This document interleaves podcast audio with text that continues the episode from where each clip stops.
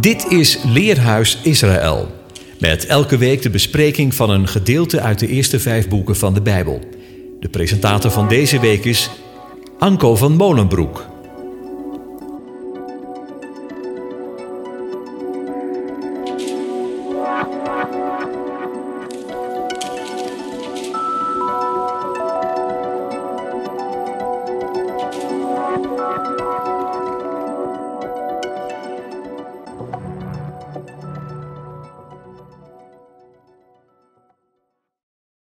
Beste luisteraars, opnieuw van harte welkom in het Leerhuis Radio Israël. Als we iemand zegenen, dan vragen we God om een overvloed van vruchtbaarheid, in gezag, in gezondheid.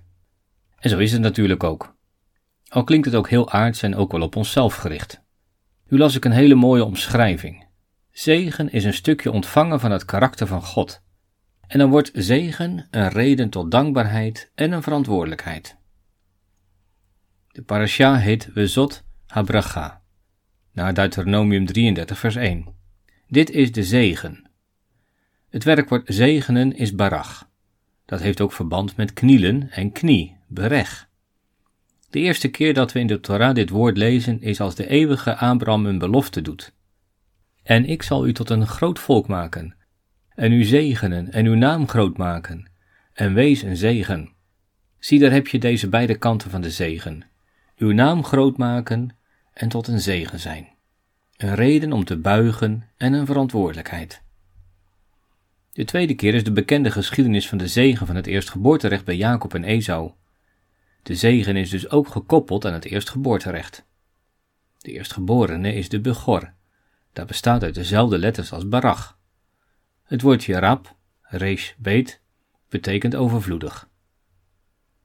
Het werkwoord zegenen komen we al tegen in het scheppingsverhaal. God zegent de vissen en de vogels. Wees vruchtbaar, talrijk en vervul de aarde. God zegent de mens. Wees vruchtbaar, talrijk en vervul de aarde. En tenslotte zegent God de zevende dag, want daarop rustte hij van al zijn werk. De vissen en de vogels op de vijfde dag, de mens op de zesde dag en de tijd van de zevende dag. De zegen van overvloed zien we heel bijzonder terug in de getalswaarde van de letters van het woord barach, de beet, de resh en de kaf. De getalswaarde is respectievelijk 2, 200 en 20. Het woord laat dus de 2 zien op alle niveaus. En de 2 is gekoppeld aan de schepping, zoals de 1 gekoppeld is aan de schepper. De zegen van de schepper is de volkomen verdubbeling. Weet je nog, de eerstgeborene krijgt een dubbel deel, een dubbele zegen. Deze Shabbat is de laatste van dit Bijbelse jaar. We sluiten de dagen van Sukkot, het Loofhuttenfeest, af met de achtste dag, de Shemini Atzeret, de achtste dag van de vergadering. In de Torah lezen we de laatste hoofdstukken van het boek de Varim, Deuteronomium. Mozes zegent de stammen van Israël, beklimt de berg Nebo, beziet het land en sterft door, naar de mond van de eeuwige. En zijn dienaar Jehoshua neemt de staf op en zal het volk Canaan binnenleiden. En, luisteraar, wat doen we als we aan het eind zijn gekomen, als iets is afgerond? Dan is het goed om eens terug te kijken en om vooruit te kijken. Om een moment stil te staan. En nu de reis van Mozes ten einde is, de volle 120 jaar erop zit, nu is het tijd om stil te staan. En als thema heb ik gekozen het verlangen naar de zegen. We gaan eerst kijken naar de zegen op de zesde dag, de zegen in de zevende dag en tenslotte de zegen voor de achtste dag. לעולם אדוני לברכך, ניצב השמיים, לדור ודור אמונתך, כוננת ארץ ותעמוד. למשפטיך עמדו היום, כי עקור עבדיך, מה אהבתי תורתך. כל היום שיחתי. לך אני הושיעני, כפקודך דרשתי. לך אני הושיעני, כפקודך דרשתי. מה אהבתי תורתך כל היום שירתו מאהבתי תורתך כה היום היא שיחתי מאהבתי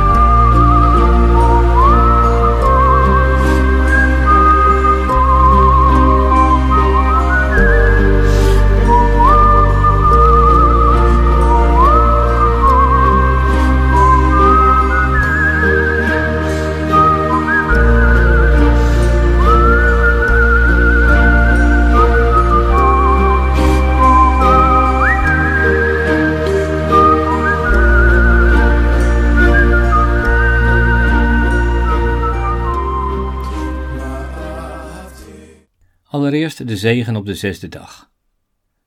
Wellicht ben je verrast door de indeling van de zesde, de zevende en de achtste dag. En ik ga dat uiteraard uitleggen. Daarnet liet ik al zien dat God zegende op de vijfde, de zesde en de zevende dag. En op deze laatste Shabbat van het jaar komen we ook bij de achtste dag. We beginnen bij de eerste lezing uit de Torah, Deuteronomium 16. Dit hoofdstuk spreekt ons van de drie grote feesten: het feest van de ongezuurde broden, het wekenfeest en het loofhuttenfeest. U bent er vast al enigszins of zelfs goed mee bekend. Al deze feesten duurden zeven dagen. Aan het feest van de ongezuurde broden gaat Pesach vooraf. En we lezen in hoofdstuk 16 vers 1 tot en met 4. Neem de maand Abib in acht en houd het paasgaan voor de Heere uw God. Want in de maand Abib heeft de Heere uw God u in de nacht uit Egypte geleid. Dan moet u voor de Heere uw God het paaslam slachten, klein vee en runderen, op de plaats die de Heere zal uitkiezen om zijn naam daar te laten wonen. U mag er niets wat gezuurd is bij eten. Zeven dagen moet u er ongezuurd brood bij eten, brood van ellende, want met haast bent u uit het land Egypte getrokken, om de dag te gedenken dat u uit het land Egypte trok alle dagen van uw leven. Er mag bij u zeven dagen lang geen zuurdeeg gezien worden in heel uw gebied, en van het vlees dat u op de avond van de eerste dag slacht, mag niets tot de morgen overblijven. Bij herhaling lezen we het: Zeven dagen moet u ongezuurd brood eten. Zeven dagen lang geen zuurdeeg zien. Hier hebt u weer zo'n verdubbeling. Wat betekent dat ongezuurd brood? Wel, dat is brood van ellende, van de uitlandigheid. Er was geen tijd om het brood te laten reizen, want haast was geboden, haast om uit Egypteland te trekken, uit het land van de tweeheid, van de dubbele benauwdheid. En ieder jaar dat het feest van de ongezuurde broden werd gehouden, herinnerde men zich deze benauwdheid en deze haast om uit te trekken.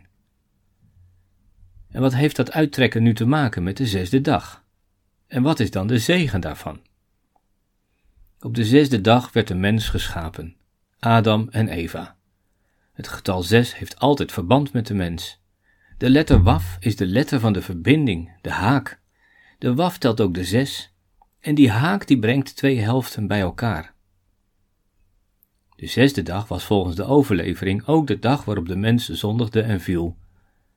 Vallen is een beweging van een hoger niveau naar een lager niveau. Was de mens nauw verbonden met de ene, nu treedt er verwijdering, scheiding op. En dan vraagt God: Adam, waar ben je? En gescheiden worden van God, dat is weer die tweeheid, de ballingschap. Het kon dan ook niet anders dat Adam en Eva uit het paradijs werden verdreven. Nu kenden ze goed en kwaad. Twee dingen. Voortaan zou het leven worden omgeven door doornen en distelen. Voortaan zou vruchtbaar zijn, ook pijnlijk zijn. We lezen nog even verder in Deuteronomium 16, vers 4 tot 8. U mag het paaslam niet slachten binnen een van uw poorten die de Heere uw God u geeft. Maar op de plaats die de Heere uw God zal uitkiezen om zijn naam daar te laten wonen, daar moet u het paaslam slachten, in de avond, als de zon ondergaat, op het tijdstip dat u uit Egypte trok. Dan moet u het koken en eten op de plaats die de Heere uw God zal uitkiezen. Daarna, in de morgen, moet u zich omkeren en teruggaan naar uw tenten. En dan komt het, zes dagen moet u ongezuurde broden eten. Op de zevende dag is er een bijzondere samenkomst voor de Heer uw God, dan mag u geen werk doen. Hoor je dat? Zes dagen moet u ongezuurde broden eten. Op de zevende dag is er rust. Waarom staat er niet gewoon zeven dagen zult u ongezuurde broden eten? Waarom staat er zo nadrukkelijk zes dagen? Omdat die ongezuurde broden herinneren aan het haastig uittrekken uit het land van de benauwdheid. Uit de tweeheid naar de eenheid, uit Egypte naar Canaan. Ik heb al eens eerder gezegd dat de getalswaarde van Egypte twee keer de getalswaarde van Canaan is. De verhouding 2 staat tot 1. Het volk trekt uit de 2 naar de 1. En dat is het leven van ieder mens. De tocht naar het beloofde land. Tenzij je denkt dat je zonden te groot zijn. Dan word je een zwerver, zoals Kain. En wat is nu de zegen van de zesde dag? Dat is dat uittrekken. En zes dagen ongezuurde broden eten herinnert ons daaraan. Wordt er op de zevende dag geen ongezuurd broden meer gegeten? Nou en of.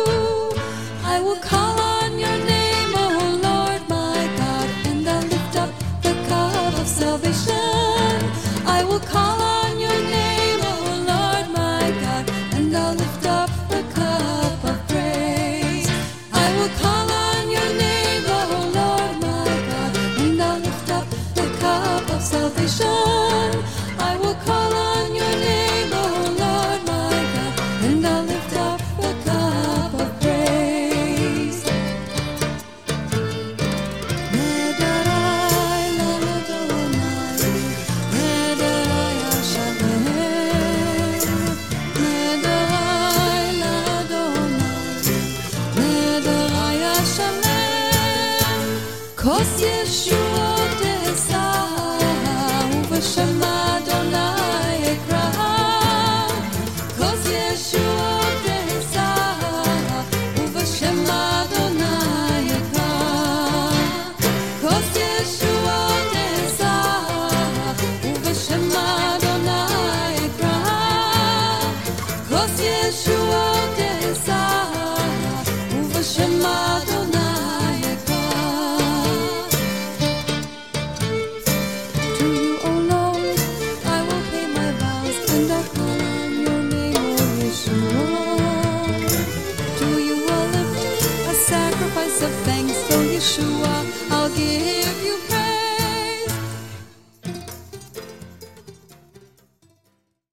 De zegen in de zevende dag. Het volgende feest is het wekenfeest, en ook dat duurt zeven dagen. Maar dat lezen we niet in Deuteronomium 16. Wat lezen we wel? Lees maar mee, vers 9. Zeven weken moet u voor uzelf aftellen. U moet de zeven weken beginnen te tellen vanaf het moment dat men de sikkel begint te oogsten in het staande koren. Daarna moet u het wekenfeest houden voor de Heere uw God, Wat u geven moet, is een vrijwillige gave van uw hand, naar de mate waarin de Heere uw God u zegent. Er staat twee keer dat er zeven weken moeten worden geteld. Weer de verdubbeling van de zeven. Letterlijk staat er zeven, zeven dagen. Dus een dubbele verdubbeling. Nergens in dit hoofdstuk lezen we echter dat het feest ook zeven dagen duurt. Dus de nadruk bij het wekenfeest valt op de verdubbeling van de zevens. Zeven in het kwadraat, 49. De zesde dag is de dag van de mens. De zevende dag is afgezonderd door de eeuwige. Daarom heeft hij deze dag ook gezegend. En als Egypte is gekoppeld aan de zesde dag en Canaan aan de achtste dag, dan is de woestijntijd verbonden met de zevende dag. Wijnrep wijst er ook op dat er na de zevende dag in het scheppingsverhaal niet staat: het was avond geweest en het was morgen geweest, de zevende dag. De zevende dag is nog altijd gaande, zegt hij dan. We leven dus in de zevende dag. Zie je hoe dat overeenkomt met het leven in de woestijn, de reis van de twee naar de één? Wij zijn op weg en reis naar de eeuwigheid, hoorde ik al heel vaak in de kerk zeggen. De zeven zevendagen beginnen als de eerste oogst, de gerstenoogst, aanbreekt. Het wekenfeest kon pas in Canaan worden gevierd, en men mocht niet met lege handen voor het aangezicht van de eeuwige komen. Een vrijwillige gave van uw hand naar de mate waarin de eeuwige u zegent. Wat moet men nog meer doen? Vers 11. U moet u verblijden voor het aangezicht van de Heere uw God, u, uw zoon en uw dochter, uw slaaf en uw slavin, de leviet die binnen uw poorten is, en de vreemdeling, de wees en de weduwen die in uw midden zijn, op de plaats die de Heere uw God zal uitkiezen om zijn naam daar te laten wonen. En u moet gedenken dat u een slaaf geweest bent in Egypte, en deze verordeningen in acht nemen en houden. Dus verblijden voor het aangezicht van de aanwezigen en gedenken dat u slaaf bent geweest in Egypte. Nog steeds wordt op de zevende dag ongezuurd brood gegeten, de herinnering aan Egypte. Maar er is ook de zegen van de zevende dag. God zegende de zevende dag, want toen rustte hij van zijn werk. En wat is dan die zegen van die zevende dag? Weet je nog wat er meer gebeurde na de 49, toen de 7 keer 7 vol was? Dan komen we bij de vijftigste dag. Dan komen we bij de wetgeving bij de Sinaï. God geeft Mozes de tien woorden. En in het Tweede Testament komt daar de uitstorting van de Heilige Geest bij. En nu begint Mozes zijn zegeningen voor de stammen Israëls in, in Deuteronomium 33 op een bijzondere wijze. Hij zegt: Dit is de zegen waarmee Mozes, de man Gods, de zonen Israëls heeft gezegend in het aanschijn van zijn dood. Hij zegt: De ene is gekomen van de Sinaï, en voor hen gaan stralen van de Seir. Hij is in glans verschenen van de berg Paran, en naar voren geschreden uit menigte van heiligen in zijn rechterhand, voor hen het vuur van een bevel. Ja, hij heeft de manschappen lief, al zijn heiligen, ze zijn in zijn hand. De anderen liggen neergeworpen voor je voeten en men draagt lasten vanwege uw woorden. Het onderricht gebood ons Mozes, het erfgoed van de vergadering van Jacob. Er kwam een Jeshurun, een koning, die toen zich verzamelden de hoofden van de gemeente, zich verenigden de stamstaven van Israël. Mozes herinnert aan het verschijnen van de aanwezigen aan de Sinaï, en niet alleen daar, ook Seir en Paran worden genoemd. En dit is wat de overlevering daarvan zegt. God komt in stralen van de Seir, in de glans van de berg Paran en met vuur op de Sinaï.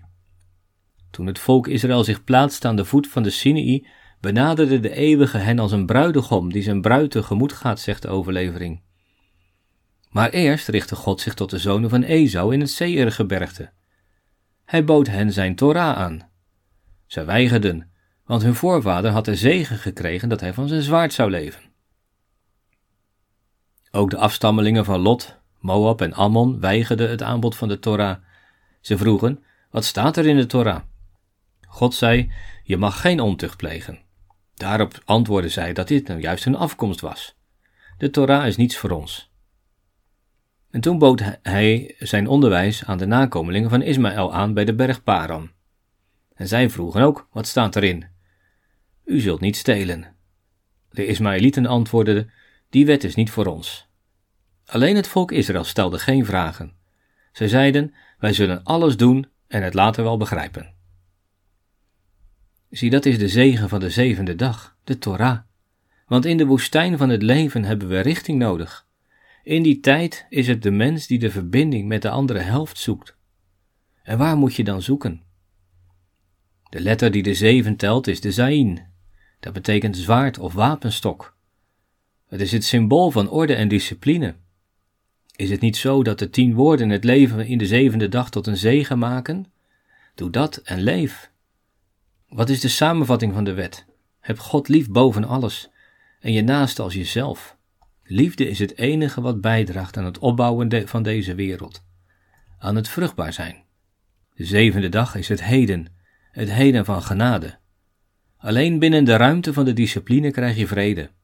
De vrede en de zegen van de zevende dag, de Shabbat. Luisteraar, de dubbelheid zit in ons allen. Paulus noemt dat onze oude en onze nieuwe mens. Wie op weg is met de aanwezigen naar het beloofde land, die heeft een strijd te voeren. Heeft niet de mens een strijd op aarde, zegt Job. En daarom worden op het wekenfeest twee broden naar de hemel geheven. Brood dat is gerezen door het zuurdeeg. Maar het bakken heeft het zuurdeeg gedood. Het zuurdesem van de zonde. Brood en strijd horen bij elkaar. Lechem is brood, en lacham is voeden, maar ook strijden. En gam betekent hitte. En daarom spreken we ook over het heetst van de strijd. Paulus zegt tegen de Colossensen: Dood dan uw leden die op de aarde zijn, die verbonden zijn met de tweeheid, ontucht, onreinheid, hebzucht, kwade begeerte. Door deze dingen komt de toren van God over de ongehoorzamen.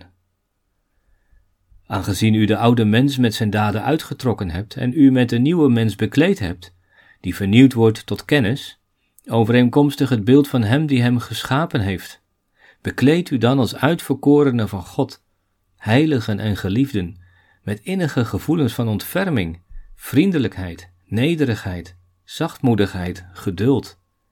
En boven alles doe de liefde aan die de band van de volmaaktheid is. Zegen is iets laten zien van het karakter van God.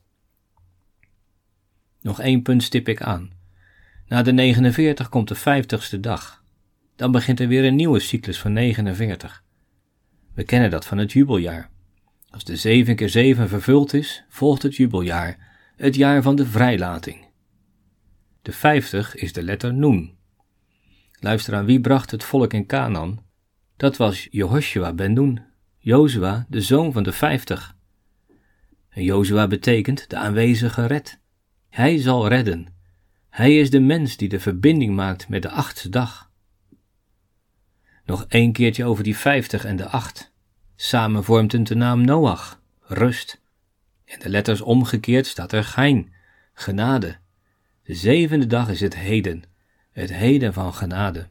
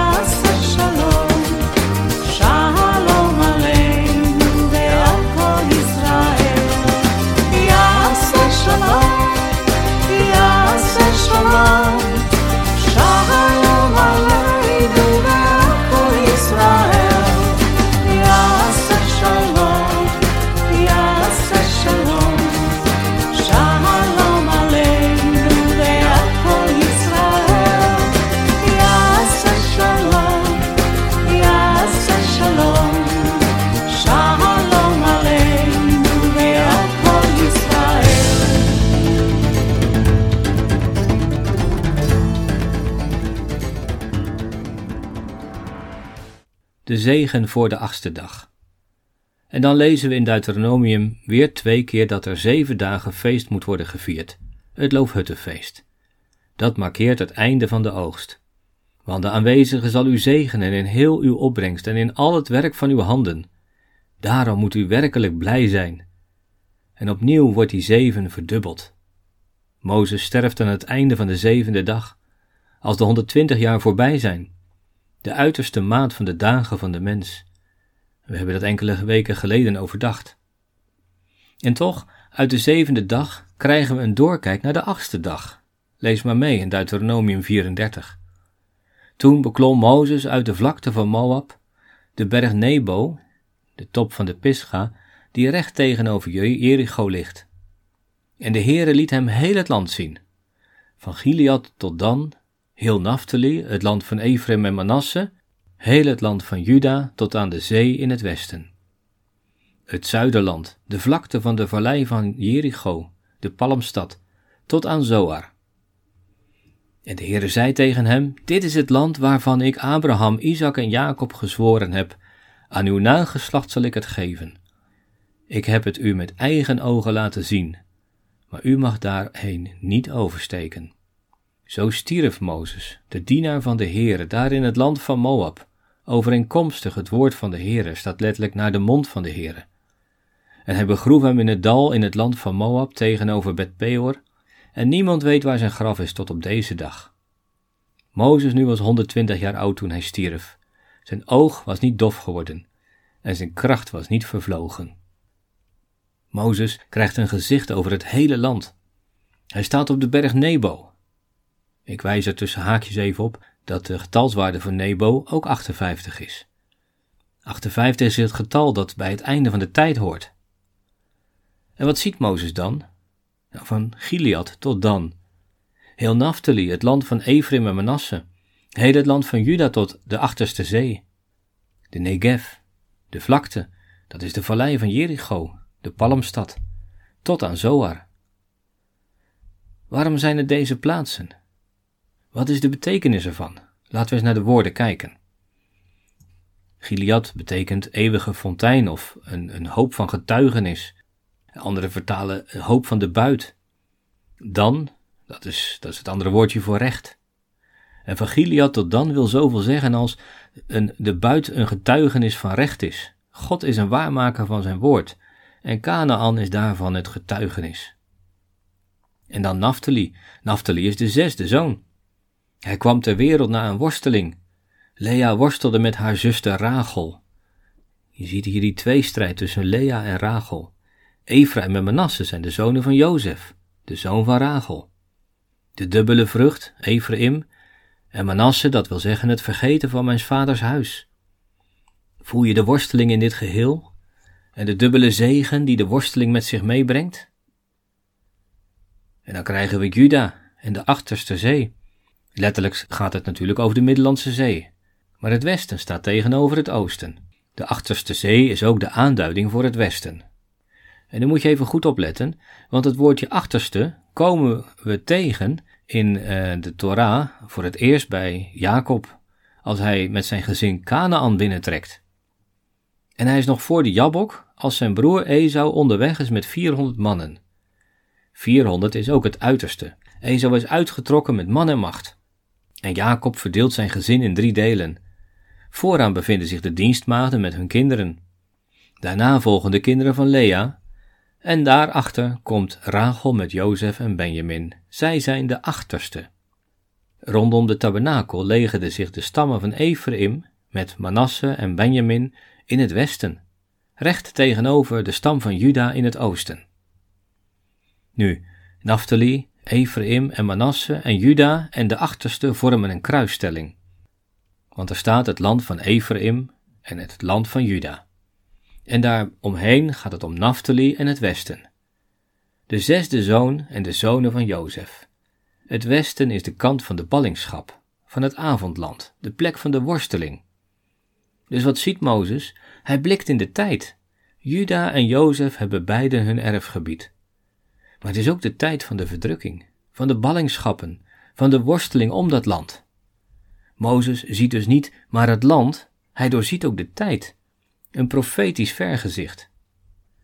En tenslotte het zuiderland, de Negev. De Negev is, het, is ten zuiden van Juda, dat is richting Egypte. De vlakte, Kekar, wil zeggen rond. De vallei van Jericho, de palmstad. Palmen zijn een verwijzing naar Elim, waar zich de twaalf fonteinen en de zeventig palmbomen bevonden. Een palm, tamar, duidt op rechtvaardigheid. De rechtvaardige zal groeien als een palmboom, zegt Psalm 92. Dat is trouwens een psalm voor de zevende dag, de Shabbatdag. En zijn het niet juist palmtakken die een grote rol spelen bij de bedekking van de loofhut? Zo herkennen we als een onbeduidend stadje. En wat is nu het beeld dat Mozes hier ziet? Wel, dan komen we bij de vlakte in Genesis 13, vers 10. En dan lezen we: En Lot hief zijn ogen op, en hij zag de ganse vlakte van de Jordaan, die zij geheel bevochterde. Eer de Heere Sodom en Gomorra verdorven had, was zij als de hof des Heren, als Egypteland, als u komt te Zoar. Zie je het? Dat is het beeld van het paradijs, de hof van Eden, juist de plek waar de mens op de zesde dag uit verdreven is, uitgeleid is. En op die plek komt hij na de tocht door de zevende terecht als de achtste dag aanbreekt. Ik zal het nog eens samenvatten. Het eerste wat Mozes ziet is de onvervreembare belofte van het recht op het land. Het tweede wat hij ziet is de strijd om het land. En de derde is de paradijselijke zegen van het land. Dat is de zegen voor de achtste dag. In Deuteronomium 16 wordt niet gesproken over de achtste dag. Die kennen we uit Leviticus 23 en Numeri 29. En waarom wordt die in, in Deuteronomium 16 niet genoemd? Nou, mijn verklaring is dat het loofhuttenfeest zelf ook verwijst naar de achtste dag. Want Leviticus zegt dat het wonen in de loofhut ook een herinnering is aan de tijd dat de Israëlieten in loofhutten woonden. In de woestijn, in de zevende dag. Het leven in Canaan is als leven in de achtste dag. Op zich is zeven dagen al genoeg, maar het is voor God moeilijk om afscheid te nemen en daarom blijven de Joden nog een dagje, zo zeggen zij. De tijd die men hiermee krijgt wordt gebruikt om te bidden voor de extra regen, zodat straks alles kan gaan groeien en bloeien. Op de achtste dag wordt ook een speciaal gebed uitgesproken voor de regen. Op de laatste dag van het loofhuttenfeest stond Jezus in de tempel en riep: Als iemand dorst heeft, laat hij tot mij komen en drinken. En Jezus gebruikte deze woorden om te verwijzen naar de waterceremonie. Elke dag, behalve op de Shabbat, werd op het feest van het loofhutten door een priester water gehaald uit de bron van Siloam, en dat water werd voor het altaar in de voorhof uitgestort. En nu zegt Jezus: Ik ben dat levende water. Ieder- Iedereen die dorst heeft, laat hij tot mij komen en drinken. Luisteraar, verlangt u daarnaar? Verlangt u naar de zegen? Naar de zegen van de ongezuurde broden, met haast gemaakt en gegeten voordat we in de zesde dag Egypteland verlaten? Verlangt u naar de zegen van de Torah in de zevende dag? En verlangt u naar de rust en de vrede van de achtste dag? Salomo zegt het, geloofd zij Adonai, die zijn volk Israël rust heeft gegeven, overeenkomstig alles wat hij gesproken heeft. Niet één woord is onvervuld gebleven van al zijn goede woorden die hij gesproken heeft door de dienst van Mozes, zijn dienaar. Mogen Adonai, onze God, met ons zijn, zoals hij met onze vaderen is geweest. Mogen hij ons niet verlaten en niet in de steek laten, door ons hart voor zich te winnen, zodat wij in zijn wegen gaan, zijn verordeningen en zijn bepalingen, die hij onze vaderen geboden heeft in acht te nemen. Luisteraar, waarmee kan de eeuwige jouw hart winnen? Nu, de Heere zegene u en hij behoede u. De Heere doet zijn aangezicht over u lichten. Hij verheffen zijn aangezicht over u en hij geven u vrede. In the end of days, Israel will behold my